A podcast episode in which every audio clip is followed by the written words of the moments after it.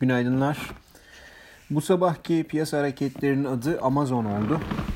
Bilançosunda bekleneni veremeyen ama zayıf görünüm beklentisi açıklayan e, açıklaması sonrasında e, seans sonrası hareketlerde hisseler hissede sert satışlar olurken Nasdaq endeksindeki e, satışında ana nedeni oldu. E, ya şimdiden satış daha fazla devam eder mi? Bunu görmek çok kolay değil. Ama endekslerdeki tek e, satışın nedeni olarak e, Amazon'un görünüm beklentisini düşünmek e, aslına bakarsanız satışa güçsüz bir kulp takmak oluyor. E, mantıklı baktığımızda pandemi döneminde evde kalıp her alışverişini online yapan insanların pandemi sonrasında bu aktivitesinde azalma olması normal karşılanmalı. Dolayısıyla Amazon'un açıkladığı aslında zayıf görünüm pek sürpriz değil. Geçen e, seferki ve bu seferki bilançolarda da bankaların aynı şeyi açıkladığını hatırlamak lazım. Yani herkes evde kaldığı için trading karları çok yüksek olmuştu. Bundan sonraki dönemde böyle bir trading karı beklemiyoruz demişlerdi. E, tıpkı onun gibi Amazon'da böyle bir görünüm söyledi. Ee, diğer yandan dün riskli olmasına rağmen yükseliş ihtimali olduğunu söylediğimiz Çinli hisseler yeniden baskı altında. Burada e, Amerika-Çin arasındaki bilişim savaşının etkileri hala geçiyor e, ve bu daha devam edecek gibi gözüküyor. Dolayısıyla yani e, yukarı doğru savrulmaları yakalayabilen daha çok teknik trade yapanlar e, bu hisselere girebilirler pek tabii ki.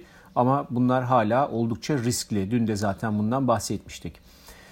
Ee, diğer yandan Robinhood halka arz oldu. Çok ilginç. Yani e, çok kısa bir süre öncesine kadar adı hiç duyulmamış Robinhood e, Amerikan piyasasında halka arz oluyor e, ve bir sürü para topluyor. Ne var ki Hood ismiyle, kısa ismiyle e, geçen e, hisse işlemin ilk gününde 40 dolar 25 sente kadar yükseldikten sonra e, hızlıca satışlarla halka arz fiyatının da altında kapanış yaptı.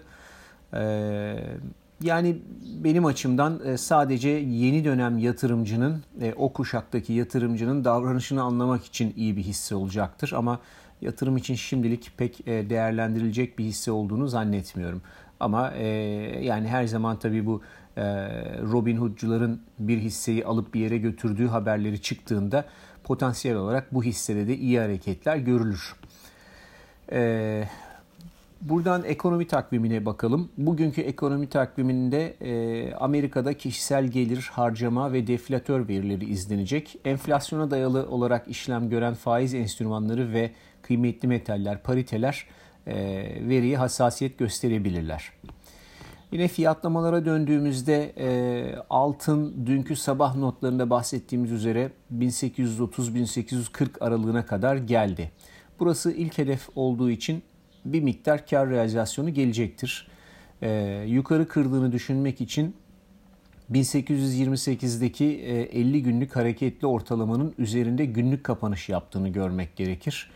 E, bu nedenle şimdilik dün açılan karlı pozisyonlarda Tabii e, algıya göre değişir ama ben örnek model olarak söylemiş olayım. E, %70 oranında e, pozisyonları realize etmek fena fikir olmayabilir. Deflatör verisiyle eğer şöyle 1820'ye kadar geri çekilme olursa e, duruma göre yeniden alım için düşünülebilir. Gümüşte dün 29.50 hedefiyle önerdiğimiz e, alımlara karşılık piyasa en yüksek e, 25.90 biz e, şey yaptık e, hedef söyledik. 25.80 gördü. Yani hedefin çok az altını gördü ve biraz geri çekildi. Bugün e, büyük ihtimalle 25.90'daki 200 günlük hareketli ortalamanın üstünü test etmeye çalışır. E, bu atak dün alınan pozisyonlar varsa e, kısmi kar realizasyonu için iyi bir fırsat olur diye düşünüyorum. Bir sonraki alım aslında ta 26.50'nin üzerine giderse olmalı. Çünkü 26.50 ile 25.90 arasındaki bölge aslında gün içi işlemcileri için iniş ve çıkışlar sunabilecek hareketli ortalamalar arasında sıkışmış bir fiyat bölgesi.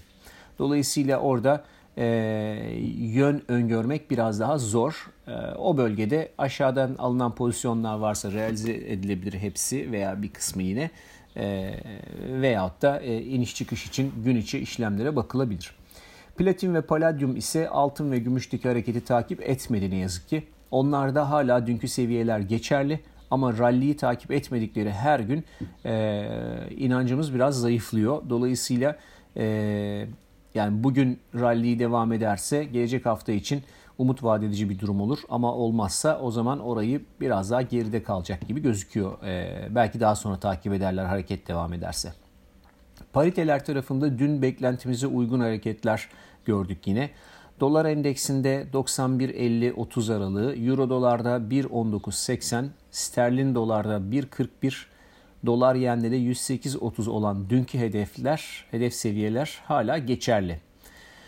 Ee, ama eğer pozisyonlar açıldıysa dün e, dünkü önerimizle birlikte en azından başa baş seviyelerine stop koymak yerinde olur. Sonuçta bugün e, bu pariteler için önem arz edecek bir veri e, seti gelecek. E, ne olur ne olmaz. Son olarak altyapı ödeneği konusu gözlerden uzak bir şekilde fiyatlanıyor. Hatırlanırsa altyapı hisseleri başlığında incelediğimiz 3 grup hisse vardı. İnşaat işleri, inşaat makinaları ve inşaat malzemeleri demiştik. Bunların her, her birinin altında da işte e, 6-7 tane hisse, 2-3 tane de ETF vardı. E, bu hisse gruplarından inşaat malzemeleri hariç geri kalan iki gruptaki hisselerin neredeyse tümü dün yukarı yönlü çalıştı. E, tek tek hisse için e, burada bahsetmek e, yersiz olacak. O yüzden bir e, daha çok bir sepet üzerinden gideceğim. Dün bahsettiğim kısa ismi İFRA olan e, altyapı hissesi bu. Bu hissede yukarı boşlukla yükselerek yukarı boşlukla açıldı ve yükselerek günü artıda kapadı. Teknik olarak bu İFRA'ya baktığımızda 2 aydır işlem gördüğü fiyat aralığının üzerine atmış ve önü açılmış durumda.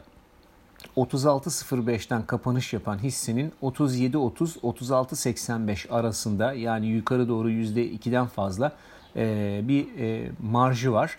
Bu bölgede biraz e, bir direnç koridoru var. Son zaman son zamanların en yüksek seviyesi bu. Dolayısıyla sektörel fiyat takibi açısından takip ettiğimiz bu hissede en azından bu koridora kadar yükselişin hedeflenebileceğini düşünüyoruz. Daha sonrası için tekrar bakmak gerekecek. Bugünlük bu kadar. Herkese iyi seanslar, iyi hafta sonları.